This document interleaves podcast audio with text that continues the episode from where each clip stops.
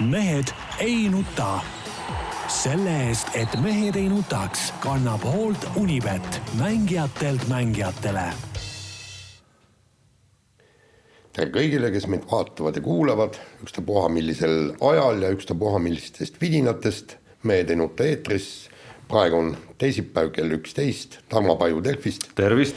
Peep Pahv Delfist ja Eesti Päevalehest. tervist. Jaan Martinson Delfist, Eesti Päevalehest ja igalt poolt mujalt no öelge mehed, midagi hinge painab või? kuidagi hapukurk on üldse hapukurk no.. no jaa. hapukurk ei ole ju, mis see hapukurk no,, kodune korvpall, ma iga no, korvpallisaalis. joo, see, see, see ongi, see ongi ainukene.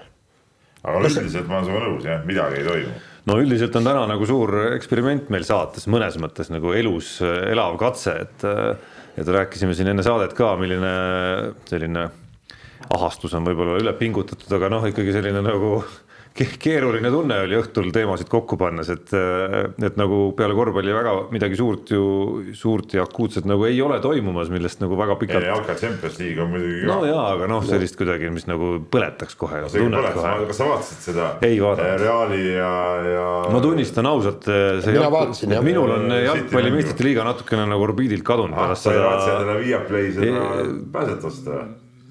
Ma ei tea, kas ma ei raatsi, aga ma tegelikult ma reaalselt tunnen, mul ei ole jaa. et ma nagu reaalselt, et ma reaalselt, et ma reaalselt nagu ei, kuidagi ei tunne, et ma nagu peakski, no ei, ei olegi nagu aega tegelikult, et siin kossu on piisavalt, et, et ei jaksa nagu kõike ka vaadata. kas sa vormel ühte ja kahte vaatad? Äh, ega ma nagu väga palju ei vaatagi otse, aga mingeid, mingeid kohti vaatan, ei no ära muretse minu pärast, küll ma.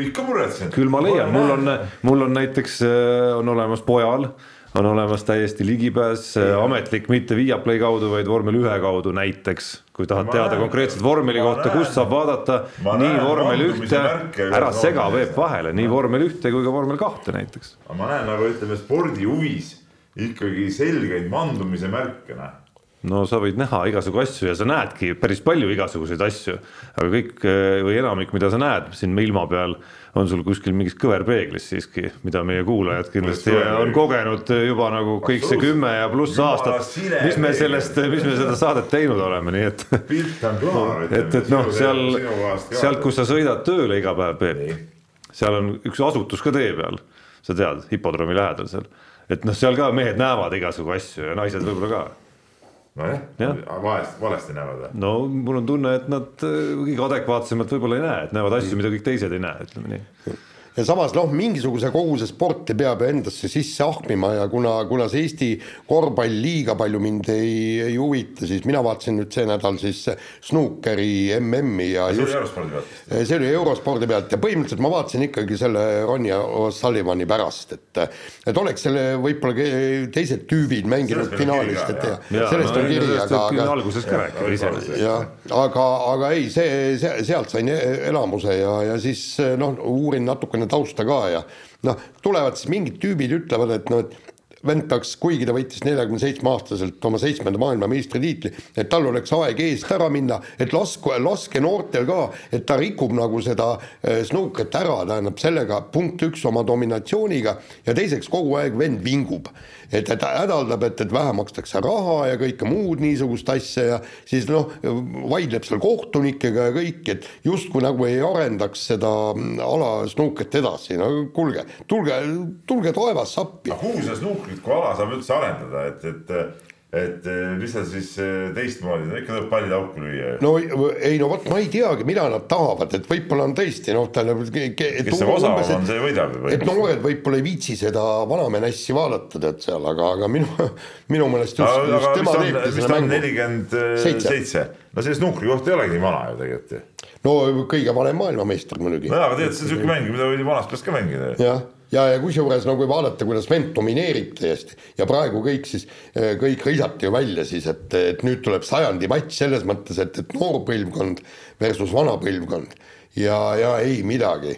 vanamees pani lihtsalt poisikesele, pani täpselt ära nii, kuidas ise tahtis. no Jaanil muidugi on komme natukene nagu sellist nagu noh, no minu, minu arust natuke ka nagu välja mõelda mingeid asju, mina küll ei ole näinud kusagil ja rahvusvahelist spordimeediat ma ikka satun vaatama päris palju, et keegi nagu nõuaks, et Ronnie O'Sullivan võiks nagu kõrvale, kõrvale ei, astuda. ei, sellest oli ju pikk oota, oota, oota, rahu, see teie vaidlus on mõttetu sellepärast, et ütleme, Jaanile on antud äh, täna hommiku tööülesanne homsesse lehte teha lugu ja sealt me saame lugeda seda no,. meil on mõtet siin, siin raadiosaates, vaata minul meeldib, asjad peavad ilmuma ajalehes kõigepealt ja siis ja. läheb ta kuskile mujale, et me siin raadiosaates kindlasti või, või veebisaates ei hakka kindlasti ette ära rääkima, mis see kõik on. kas raadiomeediumina ei ole ka siis nagu püha, kui selline ikkagi ei. nagu väga klassikaline ja, ja pikaaegne, pikaaegne platvorm? püha on ju, kuule, võrreldes ajalehega on, on ju raadio ju mingi naljaplatvorm, eks ole.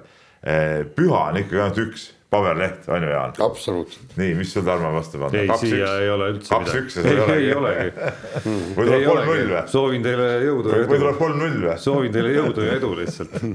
nii, kuulge, aga. pidage vastu kuidagi siin maailmas nii, mina panen nüüd oma suu järgmiseks pooleks tunniks eh, kinni. huvitav on see, et enne saadet Jaanil, me, me jõuame korvpalli juurde, on tal alati korvpalli kohta nagu, nagu tohutult palju nagu öelda ikkagi ja siis, kui on vaja rääkida, siis on nagu. siis ütleb, et ma nüüd annan nagu aja. aga me ootame sinu neid, neid analüüse, kõik see, mis sa rääkisid meile siin, keda sa platsil nägid, mismoodi sa nägid, eks ole, seda kõike. ei, ma, ma rääkisin ainult uudisteklippist ja, ja ausalt öeldes, no ma, ma tõesti ei ole mänge ja kuulge, teiesuguste korüfeede juures siin piuksuma hakata, noh, vabandage väga, mis sa, paku nüüd välja, et kui tuleb siia noh, ütleme ka, ka tõesti no korvpallist ühte-teist jagav Ats Kuldkepp kas ta saaks sõna teie kahe vahele või? ei, seda küll, aga kui sa rääkida ei taha, siis nii kui me räägime, äkki sa käid siis Narva kohvikus ära, tood meile mingeid pirukaid, tead. kuule, ma ei saa Moskva saia. Moskva saia näiteks. kuule.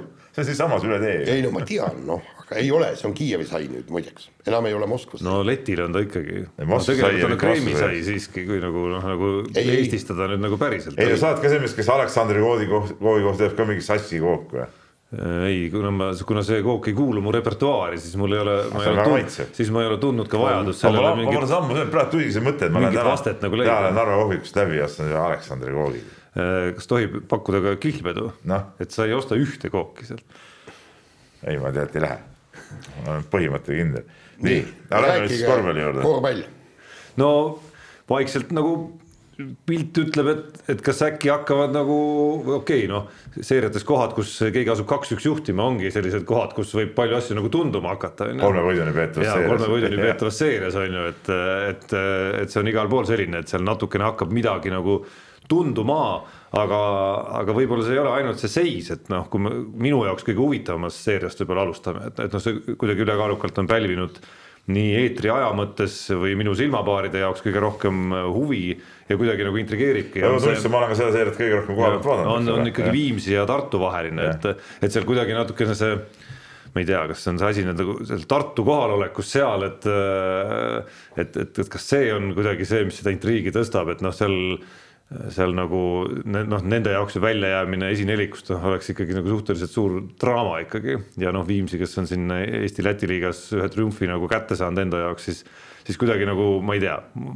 see, see paar nagu tõmbab mind, siis, siis no midagi ei ole öelda, et me oleme seisus, kus Tartu on kaks-üks peal ja, ja me oleme näinud, et kõigis kolmes mängus noh, ütleme selline kaks kolmandikku mänguajast on Tartu ikkagi nagu domineerivam meeskond, et kolmest mängust ühes on Viimsi suutnud välja tulla ja näidata, näidata oma seda kurikuulsat äh, lõpu enda kallutamise oskust, aga aga noh, selle peale nagu lõputult ei ole võimalik ikkagi nagu lootma jääda, et et Viimsi seisab nagu päris nagu oluliste küsimuste ees, et kuidas seda pilti ikkagi nagu päriselt ringi pöörata. no Viimsi probleem on selles, et ähm, äh, neil ei, ei ole nagu jõudu noh, et tundub, et nendel on äh, Füskaga on probleeme, et nad ei jaksa seda mängu mängida, mängivad ka väga lühikese rotatsiooniga seda mängu et äh, siin äh, Taavi Jurkatamme äh, vigastus ja ühes mängus jäi üldse eemale, eile ta oli tagasi, mängis, aga mängis väga ebakindlalt.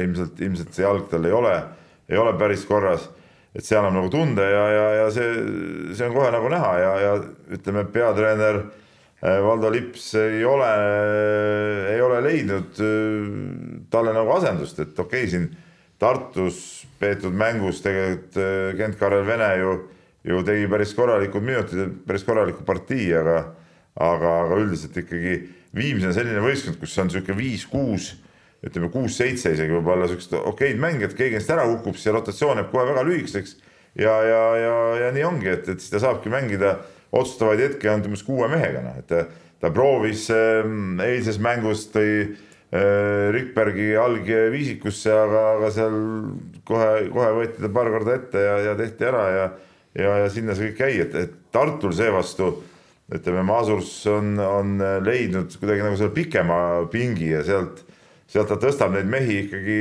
rohkem üles, et et nüüd on nagu Oliver Suurorg on selles seires kõvasti jälle pildile tulnud. Patrick Saal, kes esimese mängu jättis haiguse tõttu vahele, on, on, on pildil Eelmäe, okei okay,, Robin Kivi nüüd on nagu jälle ära, ära vajunud, aga ütleme, mingeid minuteid ikka, ikka seal saab ja ütleme, Tartu seda reservi tundub, et on ka rohkem, kasvõi sedasama Elstise pealt, kes, kes ei ole nagu üldse veel mängima hakanud tegelikult ja, ja, ja kes on ka sihuke väga, väga, krambis kuidagi, et et aga, aga ikkagi ütleme, treener on saanud seal rohkem meestele minuteid anda ja see on neid natuke rohkem värskena ka hoidnud. jah, aga noh, kuskil on alati noh, play-off on noh, nagu klassikaliselt juba nagu suured isad aasta, aastakümneid räägivad, on ju selline hästi, selline koht, kus ikkagi mängijate individuaalne selline nagu noh, sära, oskused, kogemused, otsustavus, kõik asjad tõusevad nagu esile ja noh, ega siin seires on ka nagu näha natukene, kuidas noh, alustame tagaliinist pihta, et seesama noh justkui mingist küljest palju kritiseeritud on ju Hagins Tartu poole peal, pluss sinna kõrvale Rosenthal ja, ja, ja ka see noor Ukraina poiss nüüd eriti noh, viimases mängus veel eriti on ju. Ovilar jah. just, et on nagu noh, eilse mängu näitel just äh, jäid ka nemad peale nagu oma nii-öelda nagu duellides seal Harrise, Veidemanni ja, ja Laane vastu, et kui sa statistikagi lahti võtad, siis, siis sealt joonistub see üsna hästi välja, pluss äh, Rosenthal, kes on kaks mängu nagu otsustavaid hetki väga hästi nagu sinna juurde veel lahendanud, et et äh, ja nagu mõnes mõttes vormistanud mõlemad need võidud, mis Tartu nüüd kaks tükki on nagu järjest saanud. Äh, nojah, statistika näitab alati kõik, aga, aga ma olen sellega nõus ja Rosenthal on vaieldamatult tegelikult Tartu äh, võtmemängija, et, et ta on, on tõesti vaatamata oma põlvehädale on ta väga hästi seda, seda seeriat mänginud ja, ja tassinud selle Haginsiga on nii ja naa, ütleme see Hagins on üks suur treeneri peavalu, ma kujutan ette, kui eh, kui palju see mees närvirakke võib süüa seal, seal Masursil ära, et, et et ta nagu on ja, ja, ja teeb ja samas teeb ka lolle lahendusi, on nagu see Tartus see lollus seal välja lõi ja, ja Gustav Trungilasega seal tekkis ikka korralik sõnavahetus ja, ja ja no siin noh, ei ole Haginsi poolt võimalik küll kuidagi olla selles selles episoodis, et, et eks ta see häda on, et, et siukest nagu see palli, kui ta nagu enda kätte võtab, siis ta mingites olukordades seda enam tagasi ei anna, kui ta mängis natuke meeskonna, eile näiteks oli näha, esimesel poolajal mängis meeskondlikumalt, võttis seal kaitset enda peale, söötis ära, korvid tulid, kõik sujus, eks ole, aga mingil hetkel võib-olla ka väsimuse pealt seda, siis tal kipub see pall nagu enda kätte kinni jääma ja ja, ja põrgatab koha peal ja hakkab siis mingeid asju tegema. Noh, siis nagu midagi ei toimu, eriti lõi see välja, kui seal Viimsi oma selle maa-ala püsti pani, et et äh, tekkis niimoodi, et okei okay,, seal Tartu püüdis nagu nii pikka rünnakut mängida, aga see pikk rünnak seisis tihtipeale selles, et pall seisis Aginsi käes ja siis ta hakkas mitte millestki nagu olukorda looma, kui seal oli viis sekundit umbes rünnaku aja lõpuni. ja aga see minu arust noh, see ongi nagu protsess ju tegelikult, et, et ka mängijate küpsemine on protsess, et Haginsi näol, mis ta meil on äh, üheksakümmend kuus sündinud, okei okay,, ta ei ole enam nagu päris poisike, eks. aga ei ole ka nagu kogenud mängija kindlasti veel mitte, et, et selliste konfliktidega nagu oli selles, mis ta nüüd oli, teine mäng jah. teine mäng jah. ja selliste olukordadega ja mis iganes seal kuskil trennides ja kohtades veel toimub, noh, see kasvamine just nagu toimubki, et see ei ole maailma esimene ameeriklasest tagamees, kes on tulnud Euroopasse ja siis enam-vähem sarnast nii-öelda sarnaseid olukordi pidanud nagu läbi tegema, on ju. et mõni mängib siin äh, aastaid ja, ja kunagi tegelikult kuidagi ei saa aru, mida siin nagu täpsemalt nõutakse selle mängu tarkuse all ja ja millal mingisuguseid otsuseid väljakul vastu võtta ja millal mitte, on ju, ja mõni saab sellest nagu palju kiiremini aru. mõni noh, rääkides tipptasemest äh, Mike Jamesi näol näiteks noh, tal on läinud ka nagu päris kaua aega ja on pidanud ikka nagu päris nagu kõvad äh, kohad läbi käima selleks ja olema välja visatud äh, kahest äh, tippmeeskonnast ja nii edasi ja nii edasi. ja nüüd siis kuidagi nende õppetundide najal ja, ja treeneri näol, kes on osanud talle võib-olla selgeks teha, mida tähendab liidri vastutus, tundub, et Monacos on nagu aru saanud sellest. et noh, et kui Haginsiga käib see nüüd nii kiiresti näiteks, et ta siin play-off'i jooksul karastub. ei no nii kiiresti kindlasti ei käi, et. või vähemalt mingid sammud või vähemalt, ei no sa ütlesid eile ka, eks. ei no korraga, aga pärast jälle kippus see pall jälle ikka kinni jääma tema. et no me oleme Cramos ka näinud ju, no ma ei tea, Markus Kiini ja kasvõi selliseid mehi, kes siiski on nagu ka mingil perioodil siin noh, ikka väga suures konfliktis olnud, no muidugi rohkem sügise poole ja siis kevadeks on nagu ikkagi toimunud mingisugune nagu asjade paika loksumine, kus ühest küljest saab meeskond temalt seda hädavajalikku liidri rolli, skoori tegemist, asjade enda peale võtmist, aga mitte nagu võib-olla nagu mitte nagu üle mingi piiri. teisalt jälle ma ei tea väga, ma ei usu, et on väga palju mehi, kes Trungilase-suguse Äh, tüübiga tahaks väga, ütleme, konflikti minna. ja, aga see on nagu ideaalvariant ju tegelikult, et sul on nagu noh. mingil hetkel, mingil hetkel oma karjääris ma kujutaks ette, võiks Hagintsi-sugune tänulik olla, et näed, tuli ja lajatas talle, on ju. et kui tal on endal nagu tarkust ja mõistust võtta ja. seda nagu niipidi, on ju. vot aga nii on, aga, aga teistest äh, seeriatest ka siis, seda võib ütelda, et, et, et ütleme, et kõik võtmed on praegu Tartu käes sellest seeriast, et homme Äh, nende kodus äh, seeria neljas mäng ja, ja no kodus oleks võimalik see asi ära lõpetada, aga noh, et ähm, aga seal on väga palju lahtisi otsi ikkagi. aga teine seeria on tead selles suhtes võib-olla isegi ettearvamatum veel, et äh, kuigi Pärnu Rapla vastu juhib kaks-üks, siis ega see Pärnu noh, ütleme, et nende see võit ei ole võib-olla ka kuhugi nagu veel üles, üles kirjutatud või, või välja hüütud, et et nagu see seeria teine mäng Raplas näitas, et see kokkukukkumine võib seal see võib seal Pärnul tulla ka päris, päris kiiresti, seda enam, et neil üks, üks meeskonna ülioluline lüli nüüd äh, on vigastusega väljas ka, et, et äh, et äh, ma näen, et see seeria võib ka väga vabalt viie mängu peale minna.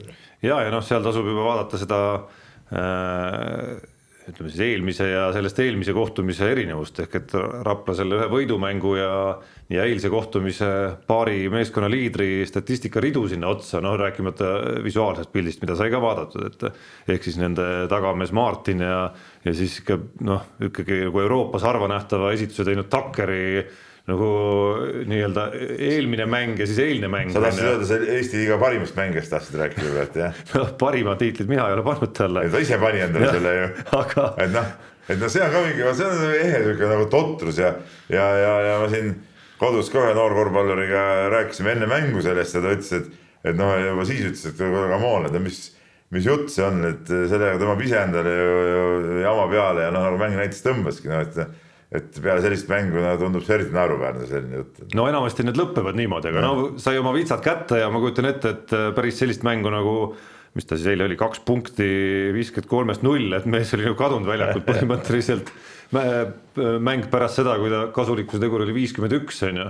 et, äh, et noh, päris sellist siit nagu ei tule enam. sealjuures muidugi üks huvitav detail on ka, et võib-olla peale sellist mängu noh, oleks võinud võib-olla mehe panna no see on ju treenerite valik, eks ole, oleks võinud panna algviisikus, et oleks saanud sama hurraaga võib-olla nagu edasi panna ja, ja emotsiooniga, aga ta pandi pingile ja no me teame, et mustadel mängidel tihtipeale see pingilt tulek noh, ei pruugi kõigile sobida niimoodi, noh, ameeriklastel just. et, et, ähm, et, et see võis äh, teatud rolli seal mängida. Noh. aga jaa, et ma olen ka nõus, et siin see pööre on nagu kuidagi tõenäolisem sellest üks-kahest, kuigi äh, noh see, see ei maksa nagu midagi, mida me siin arvame mõnes mõttes, aga mulle tundub ka, et siin on nagu väga väikestest asjadest, just nagu individuaalsetest asjadest nagu väga palju kinni ikkagi, kas et, et mingid mehed õnnestuvad ja, ja see mängupilt võib hoopis teine olla nii on jah. ja no siis sinu lemmikseeria, Tali-, mis ta on siis, TTÜ ja Tallinna Kalevi vahel jah, olen seda seerat ka käinud kohapeal kaemas ja. no saad endale ikkagi nagu vastu rinda taguda. Eh, kuna sa ennustasid kolm-ühte, et siis, eh, siis, siis see üks ja ma saan natuke ka, kuna ma kiitsin takka, ennustades küll kolm-null, et see esimene mäng on kõige suurem võimalus. tõsi, me oleme näinud, et ega kolmas mäng oli ka ju võimalus. oli ka võimalus ja, aga ütleme seal, seal ma nägin ka, sellest mängust ma nägin ka seda viimast veerand aega, ehk siis ma nagu seda hästi mänginud Kalevit seal selles mängus ei näinudki et ja ei no see esimene mäng tõesti õnnestus, aga no edasi on olnud ikkagi no selge, et TTÜ on seal selles seerias üle ja, ja, ja, ja Michael Buchanan ütleme peale esimest mängu ütleme edasi ta seda seeriat mängida ei jaksa. seda, seda ma arvasin ka kohe, kirjutasin ka kohe kommentaari sellise, et, et see ilmselt nii jääbki ja, ja, ja, ja, ja nii ongi noh, et ta oli täiesti null teises mängus ja ma saan aru, et ta oli ikka väga kehva olnud ka selles kolmandas mängus, noh, et, et no ütleme sellise sellise füüsilise konditsiooniga noh, ongi, ongi raske, raske nagu seda seeriat normaalselt mängida, enam, et nüüd mängitakse üle päeva, isegi kui peaks Kalev mingi ime läbi täna võitma, siis on äh, vist järgmine mäng on juba homme või? et, et noh, ebareaalne. Noh. ja et noh, pigem siin küsimus nagu rohkem läheb sinna suunas, et, et huvitav, kuidas TalTech ikkagi nagu nii palju Tallinna Kalevile seda võimalust on osanud anda, et, et see ülekaal veenvam ei ole noh, vaadates, kuidas põhiturniiril meeskonnad mängisid ja, ja natukene ka neid, seda sisu analüüsides ja, ja eks ta natuke sinna jõuab, millest sa kirjutasid ka esimese mängu järel, et see noh, see, see, mille Tallinna Kalev suutis ära kasutada selles mängus siis ideaalselt oligi seesama Big Mike seal korvi all on ju. ja see kogukus, millele TalTechile nagu ei ole nagu vastust, et TalTechis on väga palju head, on ju, aga noh, see on ilmselgelt ja hooaja algusest olnud nagu komplekteerimisel üks küsimärk ikkagi, et miks nagu ühtegi keskmängijat äh, või põhikeskmängija rolli sellel tasemel mängida suutvat meest ei ole nagu värvatud ikkagi, et ma pikka aega elasin teadmises või kuidagi usus, et noh, küllap see on nagu mingi otsing käib ja küllap ikkagi nagu see, aga ma saan aru ikkagi nüüd tagantjärele vaadates ja lugedes kõike, kuulates kõiki saateid, et see ei olegi nagu, et nägemus ongi olnud see, et mängime nagu sellise koosseisuga pigem. no pigem vist jah, et see on, see on nii olnud, aga mis ma tahan selle TTÜ mängu kohta ütelda, et nende ju edu sõltub väga palju ikkagi sellest, kuidas need viskad väljast tabavad, et on ikka no, üles ehitatud, noh, sellise lühikese koosseisu paratamatus ongi see, et sa ehitadki mängu üles kaugvisetele ja noh, kui need lähevad, on hästi, kui ei lähe, on juba, on juba tiba hapu, eks ole, et, et et noh, see üks asi on ka see Sildresi roll, eks tema oma teravusega peab need, need viskekohad ka seal tekitama tihtipeale, et, et noh, jah. aga noh, ka siis, kui see mäng on niimoodi üles ehitatud, ma ei näeks nagu noh, nagu küsimust või probleemi, et see üks mingisugune nagu kõvem pikk siis noh, nagu mõõtmatult ka muidugi, kõvem muidugi. Äh, on võimalik ka sellisesse mängustiili sulatada nii, et sul äh, mingite vastaste ja mingite viisikute vastu nagu. ja veel, nagu liiga suured raskused on see, et kui tema pealt peaks nagu kokku tõmbama, see rohkem ju kaare taga neid võimalusi teistel avaneb. no täpselt. aga ma nüüd selle Eesti, Eesti liiga kokkuvõttes ma tahan tervitada muidugi meie sõpru korvpalliliidust ka ja neid äh, kalendrimeistreid, kes mängude graafikut kokku panevad, sest noh ma ei tea, no mis, mis tagamõttega see niimoodi on tehtud, aga, aga mõte on, ma saan aru see, et, et jumala eest ei oleks inimesi, kes näeks nagu neid kõiki mänge, tähendab. et see, see peab olema välistatud, et kõige parem plaan on panna kaks, äh, veel parem plaan panna kolm mängu ühele samale päevale, ühele samale kellaajale, et see on nagu, see on nagu ideaalne, nagu ütleme, korvpalli turundus, tänu sellele kõik korvpalli huvi tõuseb ja, ja see, ma saan aru, see plaan on nagu nagu geniaalne. ja no korvpallifännina ma üritasin eile teha siis sellist trikki kodus, et vaadata kahte mängu korraga. ehk siis üks tuli telekast ja teine tuli arvutiekraanilt. kusagil esimese veeranda ja viiendal minutil ma sain aru, et et ma, ma ei mäleta kummastki mängust ühtegi olukorda, et ma ei ole kumbagi mängu näinud, nii et ma pidin ühe ikkagi sulgema, kuni siis neljandal veerandajal lihtsalt vahetasin äh, vahetasin siis Rapla mängu, Rapla-Pärnu mängu Viimsi ja Tartu mängu peale üle lihtsalt, kus, kus viimane veerandaeg oli huvitavam, et, et, et see on jah nagu võimatu, ma eile natukene siin torkisin, virisesin ka siin ühe inimesega korvpalliliidus sel teemal ja noh, ma saan aru, et siin küsimus on nagu selles mõttes noh, kompleksne, et Eh, klubid tahavad mängida veel seda vaheringi siin Eesti-Läti liiga lõpu ja siis korvpalli, koduse liiga play-off'i eel on ju, ehk siis see on venitanud play-off'i algust, samal ajal tahetakse kolmekümne esimeseks maiks hooaeg ära lõpetada, et ja kui sa tahad seda teha ja seeriad ei lõpe ära kolm-null, siis, siis noh, midagi ei ole teha, tulebki neid niimoodi kokku no, suruda, aga kasvõi kellaaegu võiks vaadata, et noh, üheksa ja kaheksa ja muudab pilti juba päris palju. kuule, kuule, halloo noh oleks saanud seda hooaja esimest poolt natuke kokku tõmmata ja, ja, ja no, Eesti, täna... Eesti-Läti osa, ei no kui see oli ju. No, see on tagantjärele tarkus täna. ei, mis on tagantjärele tarkus, sa teed ju hooaja kalendri, teed ju valmis juba ju hooaja alguses ju noh. sa saad aru, et kui sa jätad, jätad äh, sinna lõppu mingisugune poolteist kuud ainult lisaringi ja, ja, ja, ja play-off'ide jaoks, et siis läheb kitsaks, et siis tuleb nihutada seda esimest osa nagu seda kokku tõmmata, siis vahepeal olid ju mingi satsidel olid ju ja Pärnu, nädalate, nädalate Pärnu, pikkused, äh, poolest nädala pikkused pausid. no Pärnu vist vahepeal ei mänginud äh, üle kuu aja kodus. no kodus ka, seda nagunii veel, aga, aga ka pausid olid pikad, et ei olnudki vahepeal mingeid mänge. et no siin kindlasti saaks seda nagu nagu palju paremini teha. absoluutselt, et see ei ole, ma arvan, kellelegi hea, hea lahendus siin, olgu ta fänn, olgu ta, ma ei tea, noh, klubi vaates samamoodi Tallinna Kalev tahaks seda näha, isegi ausalt öeldes, et see nii läheks, et see viies mäng tuleb siia nagu kohe otsa, on ju. ja, ja samamoodi telekanalitele, meile, noh, kellelegi ei ole siin nagu head nii, aga lähme järgmise teema juurde, sest Jaan jah. tahab ka rääkida vahepeal. ja Jaan saab rääkida meile jäähokist.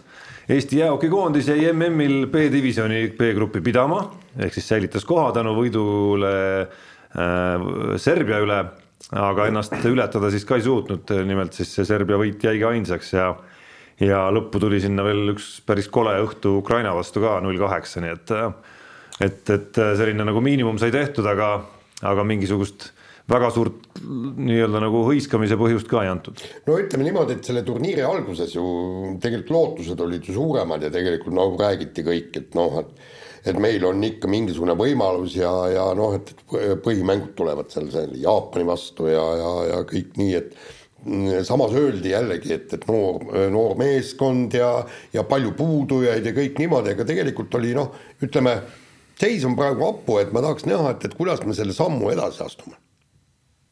ja jätkake ja. Ei, ma kuulasin huviga seda analüüsi. Peep hakkas nüüd kiusajaks.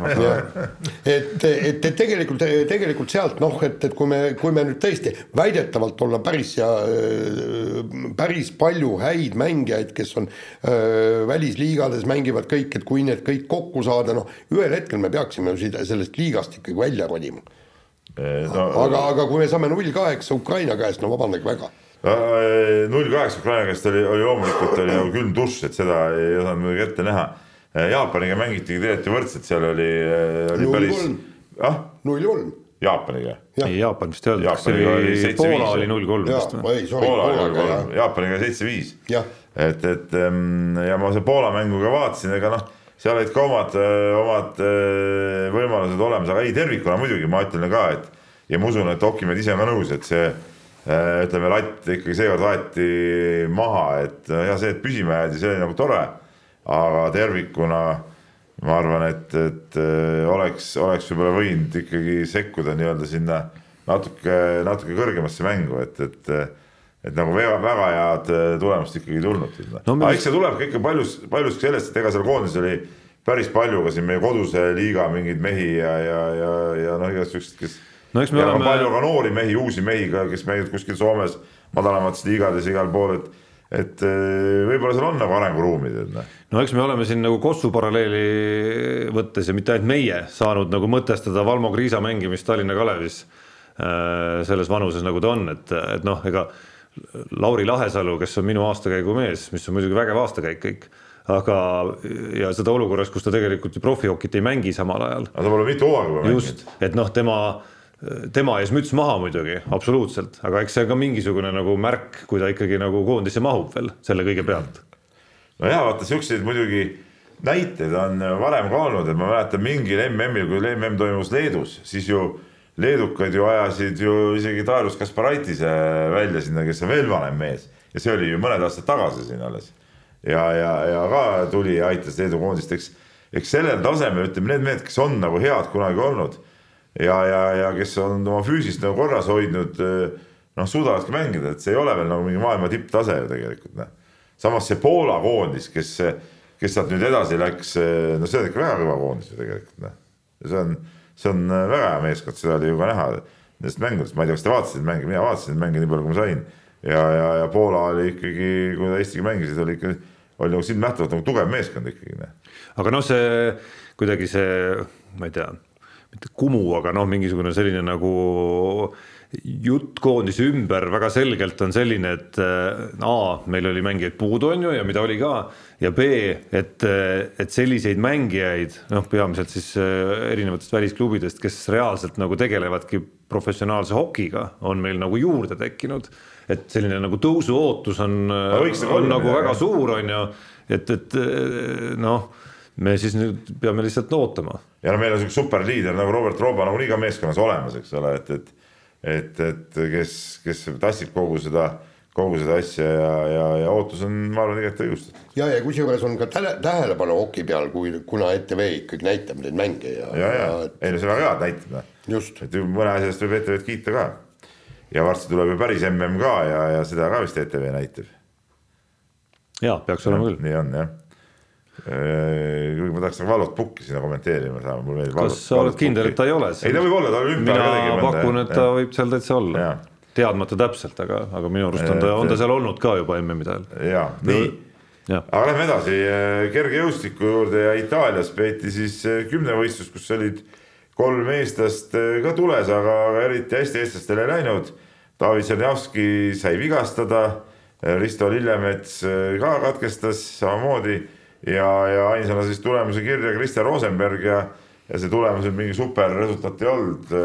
meie kümnevõistlustaset arvestades seitse tuhat kaheksasada nelikümmend kaheksa punkti ja siin eh, keegi osav näpp on kirjutanud, et kas suurvõistluste, suurvõistlustele pretendeerijate ring tõmbus kohe koomale selle pealt. mina kirjutasin. no sina kirjutasid jah. et sa hakkasid Jaani suunas kohe pilku ajama, tahtsin kaitsta eakat kolleegi. jaa, aga no ma ei tea, kas ta nüüd koomale tõmbas. ei no ilmselgelt on see kui, natuke provokatiivne küsimus. kui palju äh, sealt nüüd suurvõistlusele pretendeerijaid üldse oligi, et ütleme, see on võib-olla see seltskond no, kes oleks võinud püüda, ei, ma seletan, et see on see seltskond, kes oleks võinud püüda EM-piletit läbi Eesti meistrivõistluste võidu, eks ole. no minu mõte oli see, et see on see seltskond, kellest keegi oleks pidanud siin või peaks siin kohe nagu noh, pigem hooaja hakul, aga no vähemalt selle hooaja jooksul noh, näitama mingit arvestatavat hüpet oma, oma senise tasemega võrreldes, et kerkida sinna sinna uibode ja, ja tilgade ja sellesse seltskonda noh, ikkagi paarsada punkti vähemalt kõrgemale, kui, kui võib-olla nende senine tase on olnud, aga aga kas siis vigastuste või, või siis reaalse pildi tulemusena noh, kellegi kohta me ei saa öelda, et see on toimunud. ja, no ja, aga samas praegu on ka mai algus, et, et me ei, ei peagi nagu võib-olla veel mingeid supertulemusi ka ootama. Noh. no samas kümnevõistlejal ei ole väga palju neid võimalusi no,. ma räägin, ma räägin, see on see seltskond, kes võiks püüda EM-piletit läbi Eesti meistrivõistluste võiduna. ja aga, aga vaata, kui nende, nende ümber, nende kolme ümber on ju tegelikult noh, puhutud seda noh, kas seda saab mulliks nimetada, aga seda juttu, eks need, et neil on väga niisugune võitlusvõimeline eh, trio, kes kõik üheskoos treenivad, teineteist kogu aeg kõrvalt push ivad, nad peaksid, et noh, et, et, et see säärane oma sisemine konkurents ja, ja väga hea äh, seltskond äh, paneb meid kõiki arenema ja tegelikult olekski ju te-, oodanud, et, et, et mingisugust arengut ka oleks näha nagu mingisuguse, kõik no, noored mehed. Lillemets alguses oli oma graafikust ees tegelikult. jaa, aga, aga paari-kolme punktiga no. Jaa, et, no, nii. no ta tegi ju, tema tase oli seal kaheksa-üks, ma praegu peast ei mäleta midagi. see isikliku kaheksa-üks, viis-kuus. Nad on noored mehed, praegu on just see aeg areneda jah, ei no sellega ma nõus ja, aga ma ütlen, et, et nüüd, et äh, suurvõistluste pretendeerijate ring, et meil nüüd kõik see klaar oleks, see nii ei ole, meil on neli tippmeest nagunii, eks ole, ja, ja kolm meest ainult pääseb kuhugi ja, ja, ja noh, nii on no kuskil on veel X-faktor Hausenberg ka. ja Hausenberg ka seal, jah, kes. nagu keda on huvitav kelle, jälgima asuda. kelle trennivideosid ma sotsiaalmeedias näen kogu aeg ja mees nagu vuhab ikka päris kõvasti kuskil soojamaa laagrist. aga see trio peab nüüd, peab nüüd varsti, varsti üsna kiiresti otsustama et kas see on jätkusuutlik praegu, et, et olla koos siin Eestimaal treenida või siis, või siis tuleb leida mõni, mõni teine treener ja, või siis omaette hakata harjutama, et, et kui see, ei no aga ühe võistluse pealt nüüd. ei, ei ma ütlengi. soga suust välja ajad, Jaan. no vaatame, kui arengut ei ole, noh, kui arengut ei ole. nojah. aega on vähe. okei okay., selge. nii, nii räägime jalgpallist ja Tartu Tammeka peatreener Miguel Santos äh, tele-eetris äh, pani ikka maha ikka hea mitme minuti pikkuse äh, jutu, kusjuures ei lasknud ennast katkestada, väga, väga selgelt ütles kõik välja, mis ta arvab ja kogu jutt käis siis Eesti kohtunike pihta.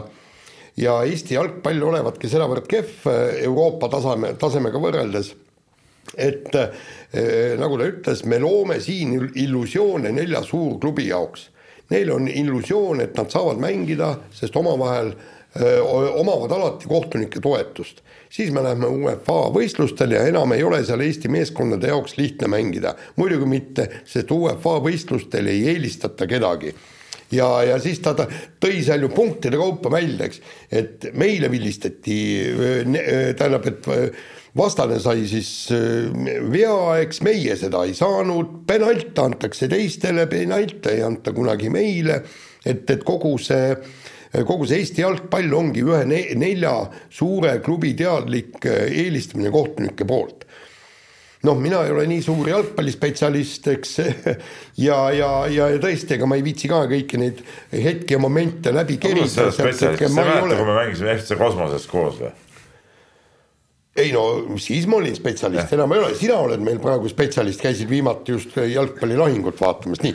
aga, aga, aga, aga vaat siin ongi nüüd see, et, et minu meelest äh, jalgpalliliit muidugi noh, tüüpiliselt, eks, ja nagu nad peavadki tegema, distsiplinaar uurimine, karistus. vot see on ju mingi täielik nõtrus jälle. no mis kuradi pärast inimene ei tohi oma arvamust välja ütelda, tead noh mis see peab olema, ega korvpallis samamoodi, ega seal ka ei tohi ju. ei no igal pool. no jaa, aga mis on siis? igas, igas liigas saab trahvi ära kohe, ei kutsuta välja isegi. aga see ongi idiootsus ju, mis meil sõnavabadust ei olegi või?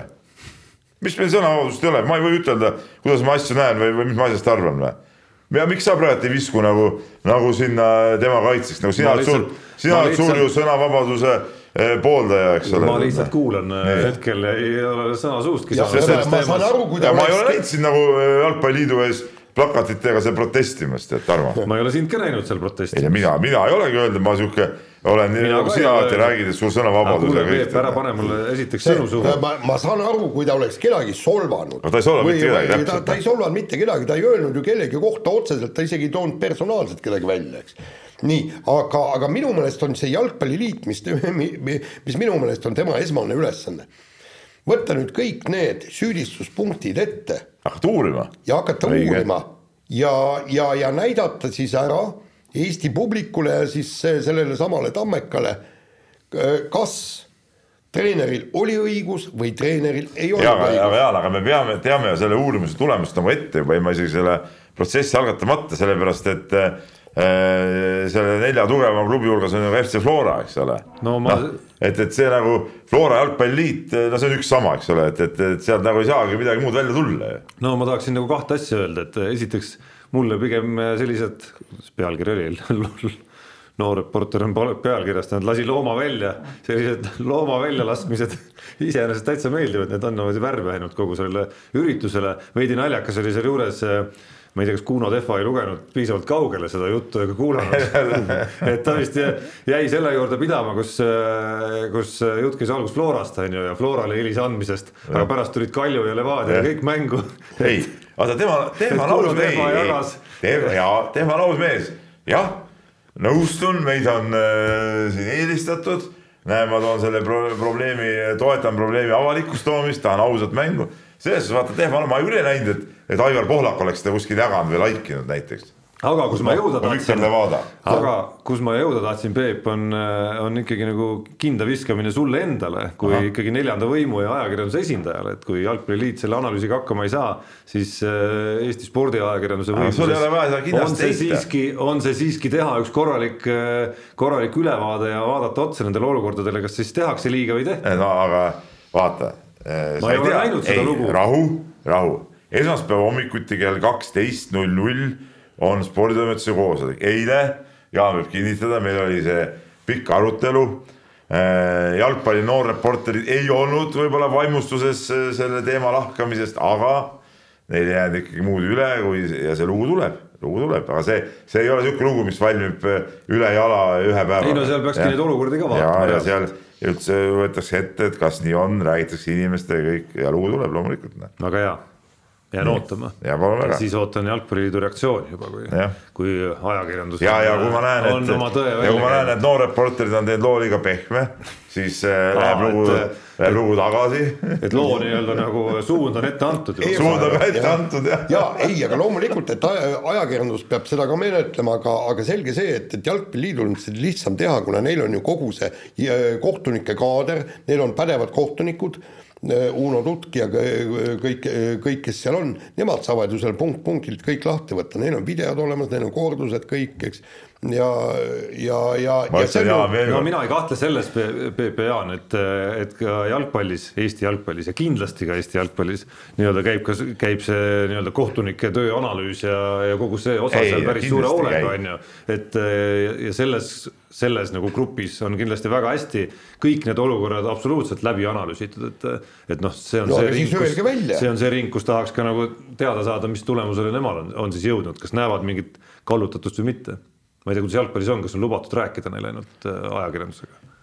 noh, nagu mis mõttes, süvitsi kas, kas, kas me oleme nüüd mingis sihukeses riigis, kus suud on kõigil nagu kinni teibitud või? ei no sul su, mingis maailm, ma ei saa aru, maailma aga- valuga siin tegeleda, aga ma mõtlen, nagu sa tead väga hästi, et erinevatel aladel on kohtunike eh, nii-öelda nagu sõnavõtmine avalikkuses kuidagi väga erinevalt see on, reglementeeritud nii maailmas kui see ka on Eestis. inimõiguste rikkumine. selge. tead sa, kuidas see Eesti jalgpallis on? Ilmselt rikutakse.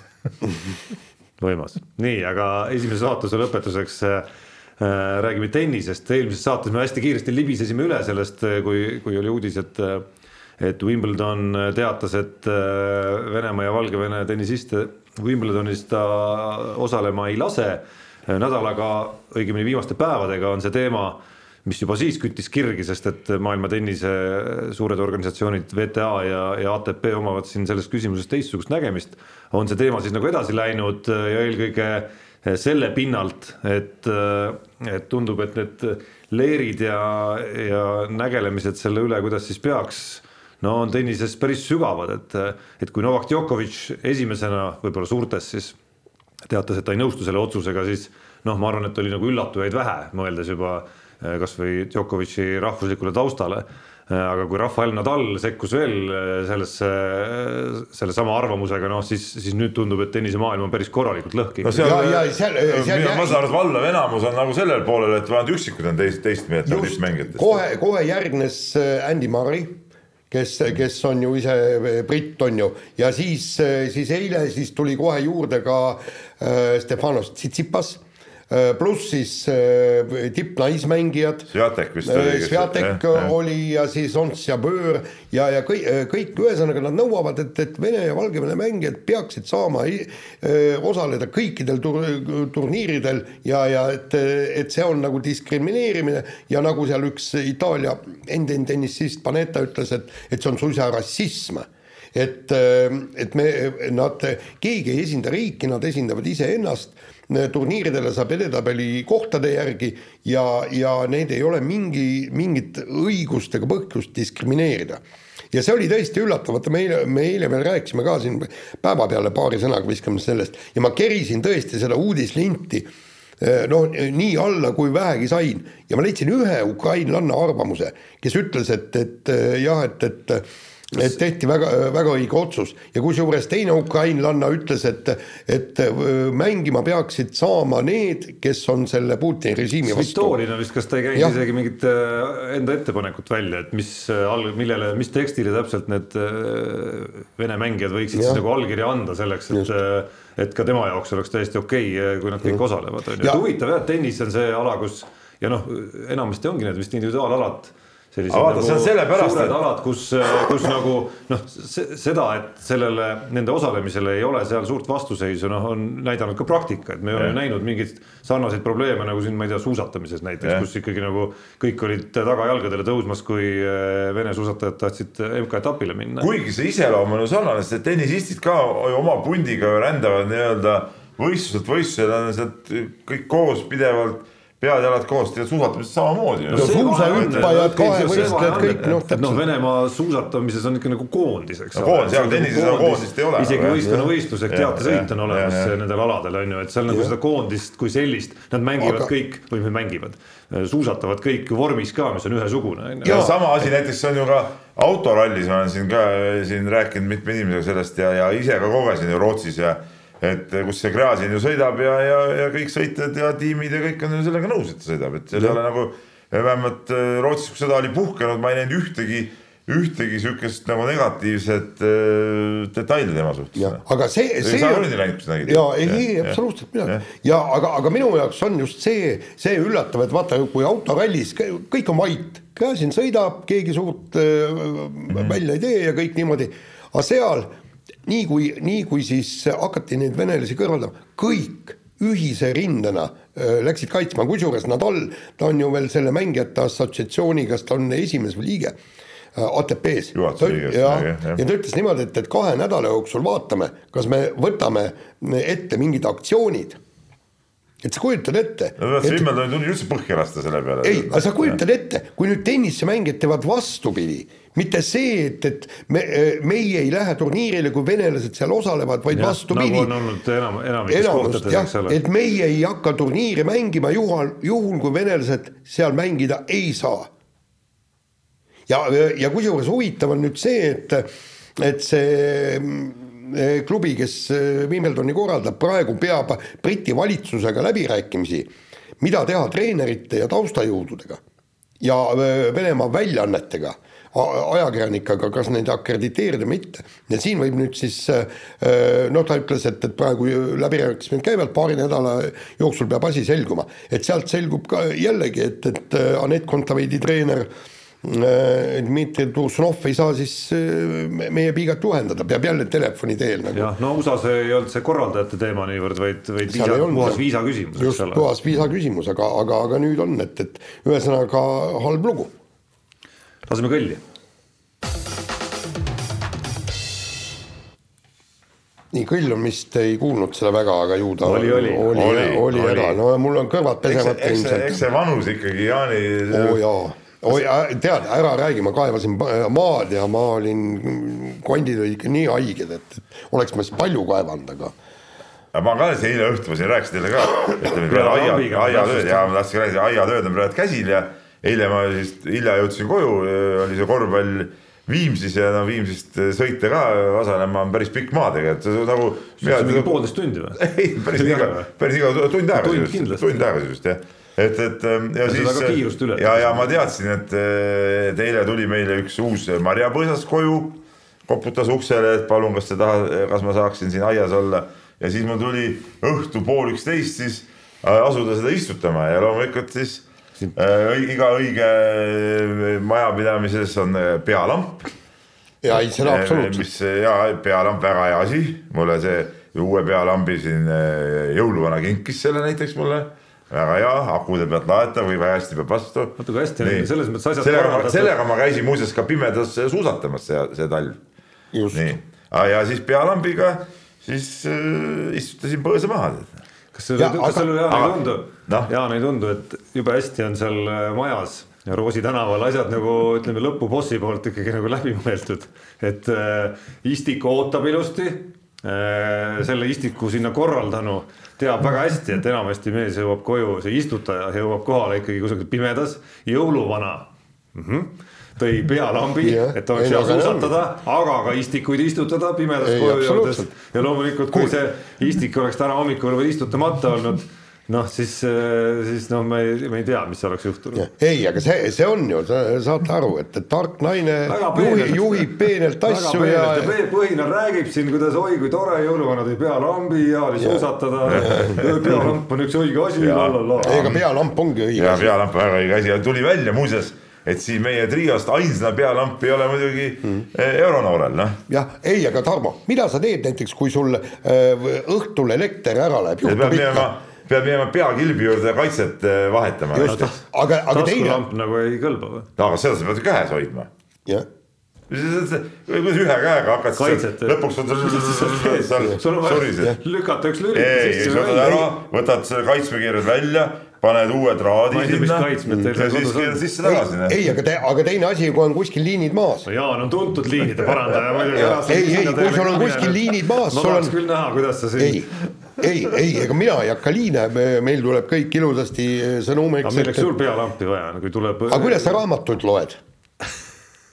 aga kuidas sa raamatut loed, kui sul on elekter läinud? taskulamp jälle, niimoodi juukse asendis. siis oled kahe, kahte kätt on vaja lehekülje keeruliseks. no muidugi hoiad ju raamatut kahe käega.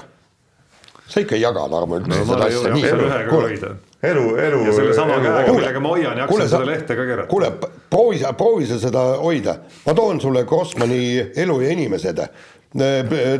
suurem formaat, üle tuhande lehekülje paks ma tahaks näha, kuidas sa seda hoiad ja seda loed. no too, ma näitan sulle. aga miks ma hakkasin üldse seda äh, istiku, istutamisjuttu üldse rääkima, oli selles, et, et äh, maapind oli ju nii kive täis. ja siis ma seal pimedas seda kaevasin ja üldse see augu sisse saamine võttis juba aega, mingi seda igavese, ma ei tea, pool tundi vist, nii kivine oli, no ebareaalne, sa ütled, sa ka kaevasid, et said lihased valusaks või? jaa, ei absoluutselt. olge mätta, mul oli vä- väga tugevad mättad, kusjuures tugevad no mätta. sul ikka ka vanus, vanus Ei, teeb aga- paneb aga tunda see-, kui need kivid juba niimoodi häirisid.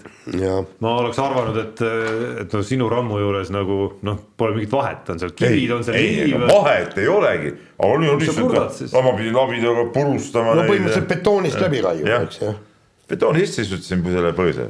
meil on see baas, muuseas Vasalemmas teeb paekarjäärid, baas on pinnase peal, pole ju mulda. nii, nii, nii, räägime spordist ja räägime Henri Trellist, kes käib ennast NBA klubidele näitamas ja ja, ja mis sellest näitamisest kasu, kas, kas reaalselt on võimalus tal NBA-sse jõuda? ma arvan küll, et on, sest et ta seal äh, D-liigas äh, mängis äh, GG. või vabandust, vanasti D-liiga jah, G-liiga nüüd tulla kaks tuhat kakskümmend jah, kaks. jah, jah, andke andeks, andke andeks.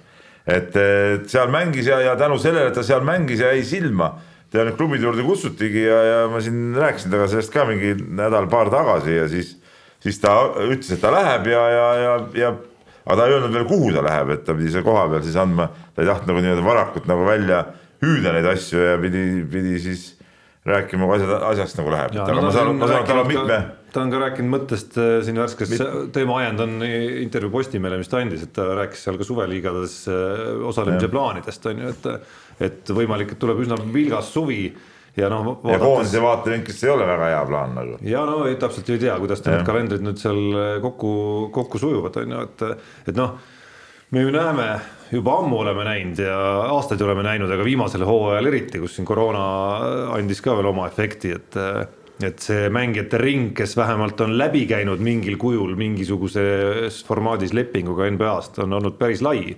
Ja noh, kui vaadata neid koosseise mängitüüpe, noh siis see, mille järgi Henri Trell jäi kõige rohkem silma nüüd äh, seal G-liigas või G-liigis ehk siis selline kaitsemängija äh, aktiivselt äh, pikad käed käimas seal nii üleval kui all kui kõrval ja neid palle nii-öelda nagu pallide trajektoore mõjutamas on ju, et noh, ka sellises rollis mängijaid võib-olla leiabki ta, et, noh, see on tema nišš näiteks sellisel tasemel, et noh, vaevalt see James Hardenlik äh, nišš nüüd tema jaoks hakkab suures korvpallis olema näiteks on ju. Jaa, muidugi, aga ma arvan, et, võib-olla, võib-olla et võib-olla see võib-olla see tuleb, et me oleme näinud selliseid nagu noh, välgatusi ju ka Eesti koondises just nimelt selles rollis ka on ju, kus, kus me näeme, et need käed on pikad ja need käivad aktiivselt ja ja tal nagu nii-öelda jalgade liigutamise võimet on ka sinna juurde ja instinkte on päris häid selles vallas, et mm, -hmm. et selles mõttes on täitsa, täitsa huvitav, see võib täitsa nagu igasugu ootamatusi võib tulla sealt, vähemalt see, et, et nagu mingi võimalus tekiks seal nagu kuskil olla suveliigas laagris mingisuguse lühikese lepinguga ja nii edasi aga vahetame teemat, lähme ralli juurde. Kalle Rovanpera on siis frustreerunud Horvaat- Horvaatia rallil toimunust ja lajatas, et Toyota vajab paremat ilmaennustajat, sama head kui Hyundai's, kus siis äh, meie oma mees Hannes Tõnisson seda tööd teeb.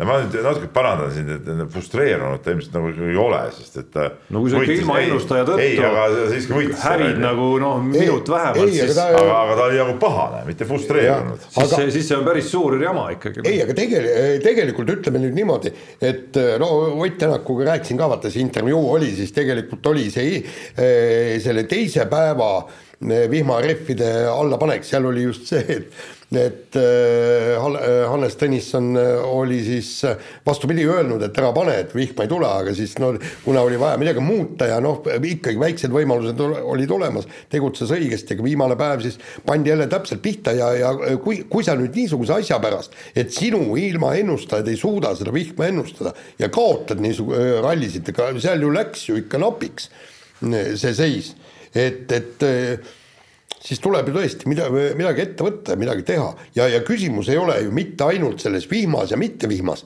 seal on ka kruusal, kui tuleb rehvide valimine, eks, et, et kuidas on teetemperatuurid ja kõik, teeniiskused ja kõik see, kõik see, et, et tegelikult see meie Hannes on teinud Hannes käib ja mõõdab ju neid temperatuure, ma ise näinud, kui ta teeb neid asju seal ka, et, et, et see on väga, see on väga peen ja põhjalik töö, noh. Ja tegelikult ei- ega tõsise teadlasega tegelikult. ei, absoluutselt, see, see, kuidas ta kirjeldas, ma kunagi tegin ju artiklit, kuidas, kuidas ta raalis välja, et millised temperatuurid on, et ta kuskilt internetist leidis, et et kui kiiruskatse hakkab hommikul kell seitse seal asfaltil, siis leidis seal kuskil mingisugune pildi, et, et kui palju teed oli puude varjus ja siis äh, teatud valemi järgi siis sai välja arvutada, et milline on asfalti temperatuur, et et noh, see, on äh, absoluutne teadlane nagu. oota, aga kas see jutt, mis oli, mis oli ka selles uudises sees, et äh, Toyotas seni tegi seda, mis ta, Jüri Kamenik või, kes meil on siin nüüd äh, hoopis teistsuguste ja. Teemadega ütleme siis rambi valguses, kui nii võib öelda. Ja nüüd on nagu Toyota kuidagi nagu ilma, et kas see oli nagu pädev jutt või natukene aegunud lause ikkagi, et ma miskipärast ei tahaks uskuda, et, et nüüd selle Kameniku ümber toimunu on nagu Toyota, Toyota ei suuda nagu kedagi asemele leida. ei, küsimus ei ole selles, ka Kamenik äh, on, on hea mees, aga ta ei ole nii hea, kui on äh, Hyundai ilmaennustaja aga oli ta Horvaatias või? ei, ei ta seal, ei ta vist enam ei käi minu arust. Äh, jah, ma, vot seda ma ei oska öelda. ma tahtsingi jõuda, mulle tundub, et, et tegelikult ei, ei tea ta täpselt seda. jah. Äh, Karol Mets krooniti Šveitsis jalgpallitšempioniks ja, ja, ja veel tähelepanuväärne uudis oli see, et kaheksateistaastane Rocco Robert Shane pääses Hollandi kõrgligas Utrechti meeskonna eest platsile ja, ja siin on kerkinud küsimus, et kui kõvad sõnad need on, ma ütlen nii, et et Karol Metsa Šveitsi jalgpallitšempioniks oleks kindlasti kõva sõna, ütleme riigi tšempioniks ja Šveits ei ole üldse täpselt mitte, mitte vilets äh, jalgpallimaa, eks ole, et, et see on, äh, see on ju äh, igal juhul, igal juhul tipp-topp saavutus, see, et, et noor poiss Hollandi kõrgligas platsile saab, on noh, ka tore asi, aga ütleme, see sellel ei ole veel sellist tähendust võib-olla, et noh, ikka, vahest mõned noormängijad pääsevad kuskil platsile. ja aga, aga minu jaoks on natukene üllatav oli see, Sein ju mängis, oli Floras, eks ju, ja, ja ja, ja, ja leiti, et on, oleks hea, hea ta laenule anda, et, et kuidagi ta nagu.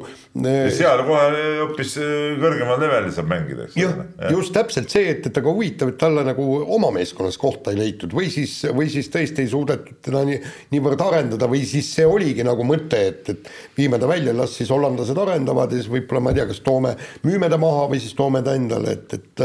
no ega siin nagu tormata ka ja samas ei maksa, et, et veel suurem näitaja on see, kui ta hakkab regulaarselt seal platsile saama.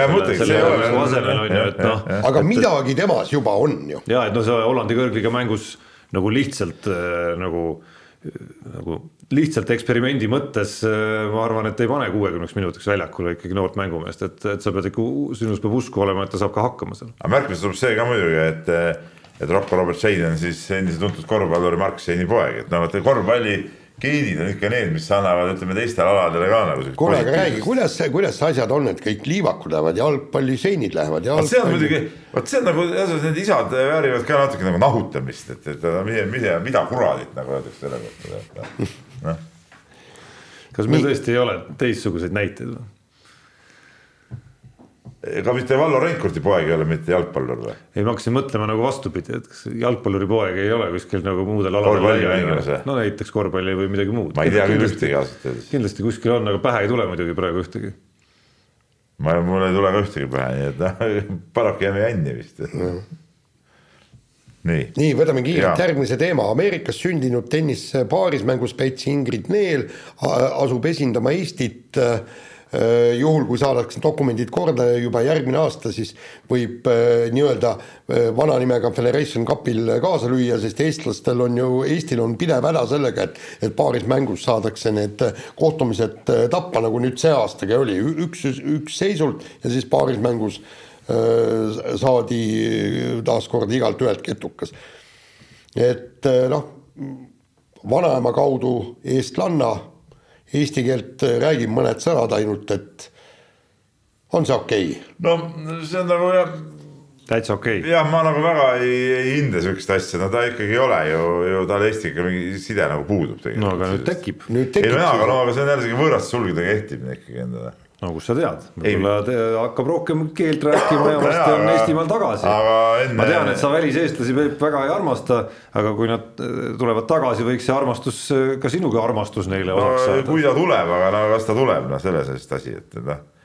ei, ei, ei saa ütelda, et see on mingi tõsine, aga noh, kui tõesti õpib ära keele, mis on nagu üldse, üldse kõige alus nagu, et ta saaks siin nagu olla nagu see koondise mäng, õpib ära keele Äh, tahab nagu Eestis siin olla ja, ja võtab Eesti nagu oma päris kodumaaks, siis, siis, siis okei okay., aga mitte nii, et, et nagu meil käivad need mingid mäesuusatajad siin olümpia Eestit esindamas ja kuskil elavad Ameerikas, ei tea Eestist tead nagu ja. mitte midagi sisuliselt. keegi vanaema ja on väga tore, et vanaema on, on sealt pärit, aga, aga noh, minu arust see ei peaks nagu andma neid siukseid. aga, aga, aga samas oli minu jaoks üllatus see ujuja Alexa Gold, kes, kes tahab ka üritab nüüd äh, ikkagi tiitlivõistlust saada. Ja räägib väga ilusat no see on teine asi, see on teine asi, see on teine asi, kui see, see, see paneb kohe hoopis, hoopis uude, uude siuksesse valgusse asjad. aga nagu ma aru sain Gunnari jutust, siis see tütarlaps peale tere vist ei oska midagi ütelda. no täna, täna ma arvan, oskab juba, kusjuures. Äh, kusjuures ma vahepeal võtsin Eesti korvpallikoondise nimekirja lahti, et kõik nimed ees oleks. no ühe nime leidsin, kes on nagu nii-öelda teise ala mehe poeg, aga, aga mitte küll jalgpalluri poeg, et Janari Jõesaarest käib siis jutt. et seal peab võrkpalliringkonnad peavad nahutama siis äh, tema isa. kui, või siis tegelikult meie kiidame muidugi. meie kiidame jah aga kiire. see tähendab, et äh, Alar Jõesaar on tore mees ka. aga kiire vahemängu lõpetuseks peame rõõmustama, Eesti talisport on päästetud, tõsi, ega meil seal nüüd nii halvasti ka asjad ei ole, kui viimast olümpiat vaadata. no palju medaleid tuli? no tuli, üks. Jah, no see ei ole nagu klassikaline talisport. see on mitte klassikaline, see oli ka ainult nii, ühesõnaga Eesti talisport on päästetud ja ühtlasi saime ka teada, miks ERR on äh, lisaks jalgpallikanaliks olemisele ka ka B, B-variandina siis laskesuusakanal. nimelt ERR-i juht Erik Roose intervjuus Kuku raadios ütles muuhulgas, et tegelikult see, mida meie noored biatlonistid teevad, on väga okei okay. ja mõne aasta pärast pange tähele, nad hakkavad võitma medaleid. no aga mis see on siis? ei no. tähendab, äh, tähendab, ongi hea ja mina, mina olen e-, erinevalt teist, mina olen Erikuga koos töötanud, ta oli meil Postimehe äh, ka direktor, kui mina seal töötasin, äh, puutusime kokku, väga tore mees. ja kui ta nii ütles, siis järelikult nii on, jah huvitav, keda ta silmas pidas, vot see, see tekitab. seda kahjuks ei küsinud. siin juunioride siin tipus olid ju siin sõitjad. või ta pigem mõtles. oli see üks poiss siin, sai mul praegu momenti ta nimi meelde. ei no võimalik, et ta mõtles siiski noh, näiteks Tuuli Toomingat või äh, Susan Külma või ma ei tea, Rene Tsahknat või Kristo Siimerit, kes no, hakkavad siis nagu MK tasemel võitma neid. rahu, nii, ma tunnetan siin teatud irooniat, aga kas sa, kas sa saad nagu ütelda, et, et see nii ei lähe ei saa. nii, aga milles küsimus on? kust sa iroonia välja lugesid? no sinu olekust näe, isegi see naer on praegu irooniline. üldse mitte. ja see üldse mitte no, see on sinu peas, Peep. ei, ei, ei, nii on. nii on, absoluutselt. laseme kõlli Unibetis saab tasuta vaadata aastas enam kui viiekümne tuhande mängu otseülekannet. seda isegi mobiilis ja tahvelarvutis. Unibet, mängijatelt mängijatele. nii, Tarmo, Unibet. Nonii, pahad lood, ütlen kohe ise alustuseks äh, panustasin nii Euroliigale kui kodusele liigale ja kogu aeg valesti, ainult valesti, siis kui äh, siis kui panustasin äh,, äh issand, kuidas ma nüüd meenutan äh,. Barcelona võidule, siis nad kaotasid, kui ei panustanud, siis nad võitsid ja koduliigas oli mingi paariga oli täpselt, täpselt sama värk, no ühesõnaga ei taha, ei taha nagu rääkidagi. sümboolne üheeurone kasum on jäänud veel alles, ehk siis kolmesaja ühe peal olen oma saldoga no,. Peep on siin valmis pannud, tundub nüüd pika võidutiraadi. ei, ei kaotuste jada on saanud jätku lihtsalt jälle huupi? ikka. noh. täna koosoleku ajal panin ühed eh, live tennise kahese siukse eh, asja. no ei ole nagu õnne, tead noh. no mängivad valesti. mängivad valesti jah no,. vähemalt on sul armastuses hästi siis. ei, mul on kõiges hästi. Aga... palju sul pappi on? kakssada kuuskümmend kaheksa. jah no mul on ka umbes sama, sama palju, kusjuures ma panin tennise peale, ma panin kuigi teadlikult, eks ma panin Kaia Kanepi peale ja siis äh, panin veel ühe kolmiku, et, et lootuses, et, et, et midagi sealt tuleb, aga sealt ei tulnud kahjuks mitte midagi enam no, põhimõtteliselt. Äh, ja ka siis äh, imesin natukene ennast ülespoole tänu Ronnie O'Sullivanile. viimasest üheteistkümnest panusest oleme võitnud ühe no vähemalt siis on meil tänaseid seise vaadates armastusrindel kõigil väga hästi. kui õnnemängus. aga kusjuures eile oli täpselt samamoodi selle, vaata selle O'Sullivaniga, vaata sa ei, sa ei julge panna tema peale, vaata seal nii-öelda laivpanuseid, et äh, enne õhtust sessiooni oli, oli tema võidu koefitsient ainult äh, üks koma kaks on ju, eks. ja põhimõtteliselt noh, mõtlesin, et nad virutaks kõik selle sada ja, ja kakssada eurot ja kogu oma papi sinna peale. noh, aga noh, praeguses olukorras seda ei julge teha, aga vot siis, kui on hooaja lõpp ja Ameerika jalgpall on ju, siis, siis julgeb niisuguseid asju teha küll nii, aga uue nädala eripanused puudutavad ka korvpalli, neid on antud ette valmistusse kaks tükki, puudutavad Euroliiga viiendaid mänge ja need on mõlemad kombopanused, on siis nagu igale maitsele. üks on kombopanus, kus on pandud võitjateks nii Barcelona kui ka Piraeus Olümpiakos. see on need nii-öelda tavaliselt kokku pannes. Ehk siis, need, kes peavadki kes võitma. mängivad kodus, kes on soosikud Euroliiga põhiturniiri esimene ja teine ja noh, see koefitsient ei ole muidugi väga suur, on üks koma kuuskümmend kaks ta-, nii-öelda niisama korrutades, aga eripanusena tuleb see kõrgem. aga siis nagu Peebu maitsele on tulemas ka teine, kus äh, Äh, Müncheni Bayern ja Monaco mõlemad võidavad. Äh, see tavakoefitsiendina oleks neliteist koma üheksakümmend viis, sealt ikka Peep annab, annab noh, nii-öelda nagu võtta, võita küll. kui nii läheb, siis ma, siis ma hakkan jooma. no sa teed seda, vajad sa põhjust selleks tõesti alati peab põhjus olema. okei et siis sa, siis sa nagu, siis sa deklareerid oma joomise põhjusena ja. selle konkreetse ja. detaili homme õhtul. jah no aga paned panuse vähemalt võidad pappi. võib-olla saame täna õhtul juba kõik klaariks nagu jah. täna oli Barcelona mäng. ja esimene mäng on jah täna. no nii, kirjadest ka. ja kirjad ka ja tead, ma tulen selle O'Sullivani eh, võidu juurde tagasi ja, ja kirjutab meile kirjasõber Tartust ja, ja no Jaan, sina seda vaatasid ja, ja ta küsibki niimoodi, et et ta vaatas ka seda kirjasõber siis seda matši ja, ja, ja sai väga võimsa emotsionaalse laengu ja, ja vaatas siis ka Sullivani nagu võidukõnet ja küsibki, mis on teie mõtted selles osas ja kas juhtusite emotsionaalset võidukõnet eh, vaatama?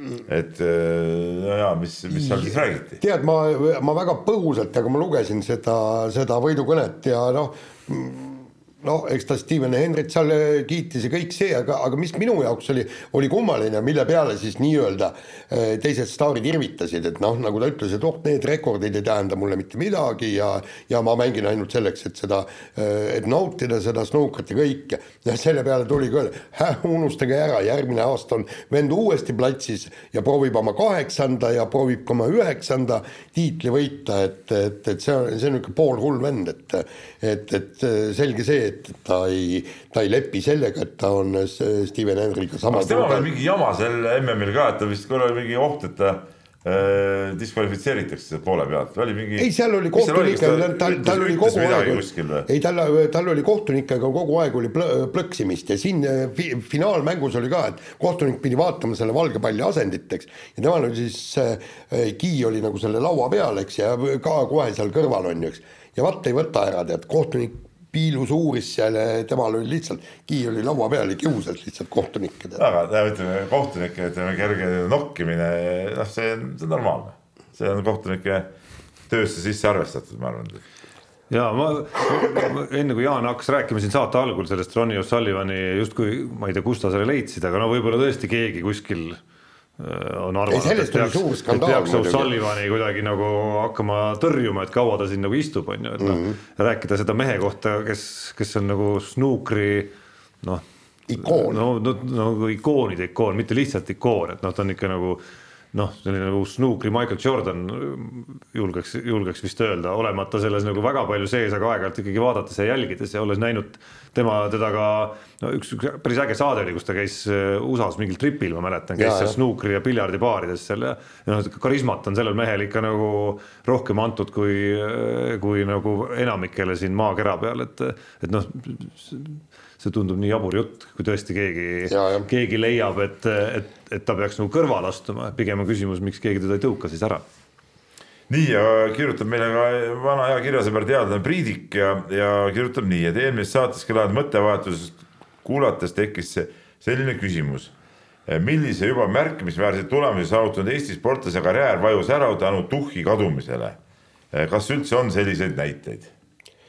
No meil on loobujaidki olnud, kes on ikkagi no. nagu ju tundnud, et, et noh no,. kas need on, on saavutanud märkimisväärseid tulemusi?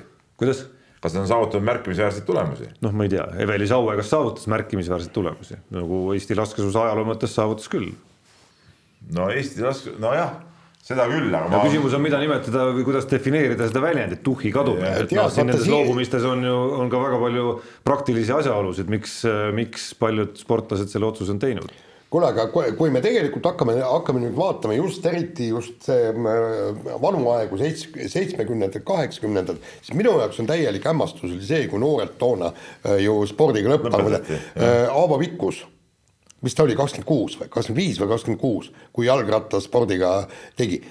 Jaak Uudmäe, Uudmäe, mida, mida ta tegi pärast olümpiavõitu?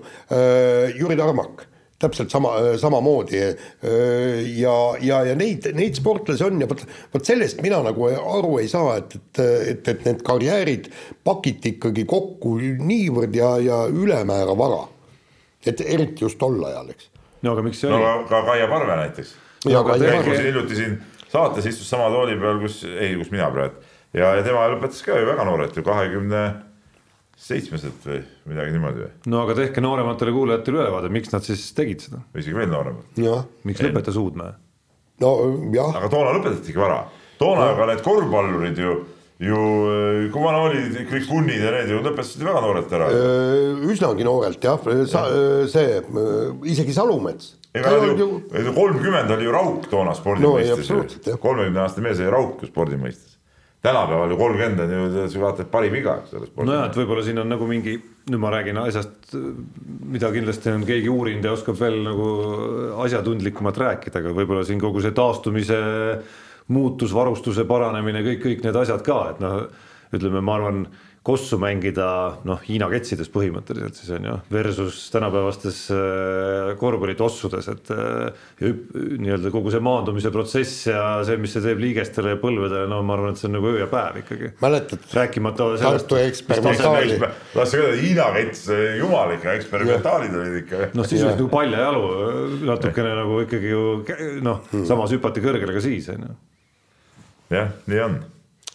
Aga ma ei tea, tõmbame otsad kokku siis tänaseks. tõmbame saate otsad kokku. ja lootsime lootsime alla tunni teha täna, kuna teemasid ei olnud ja ma ei tea, kas meil on oli saate eel natukene mikker sees juba mõnda aega, nii et keegi tähelepanelikum jõudis kuulata, et saate ajal on tulnud küsimus veel äh, tea, Toomaselt, kes äh, palub sul Peep öelda Euronoorele, et ta räägiks lõpuni punkar Peeter Volkonski kahe tuhande seitsmenda aasta saate muljed.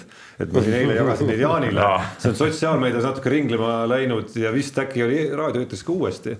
ja ma tükk aega isegi ei teadnud, saanud aru, et Peeter Volkonski ööülikooli loeng, mis noh, ütleme, rääkis siis nagu Venemaast ja, ja venelase hingest. et see oli, et see ei olnudki värske, ma sain nagu hiljem teada, päev hiljem, et see oli kaks tuhat seitse, et see kõik nagu praeguse sõja valguses oleks nagu räägitud põhimõtteliselt nagu täna, et ma soovitan kõikidele kuulata. 15 aastat tagasi, jah. tõesti väga noh, ühest küljest hariv ja teisest küljest nagu väga nagu ägedalt räägitud ka veel. ja Würst von Kolmskit tasub alati kuulata ka siis, kui ta propelleris laulab. Nii, aga sellega on meil saade läbi ja kuulake mind järgmine kord. mehed ei nuta.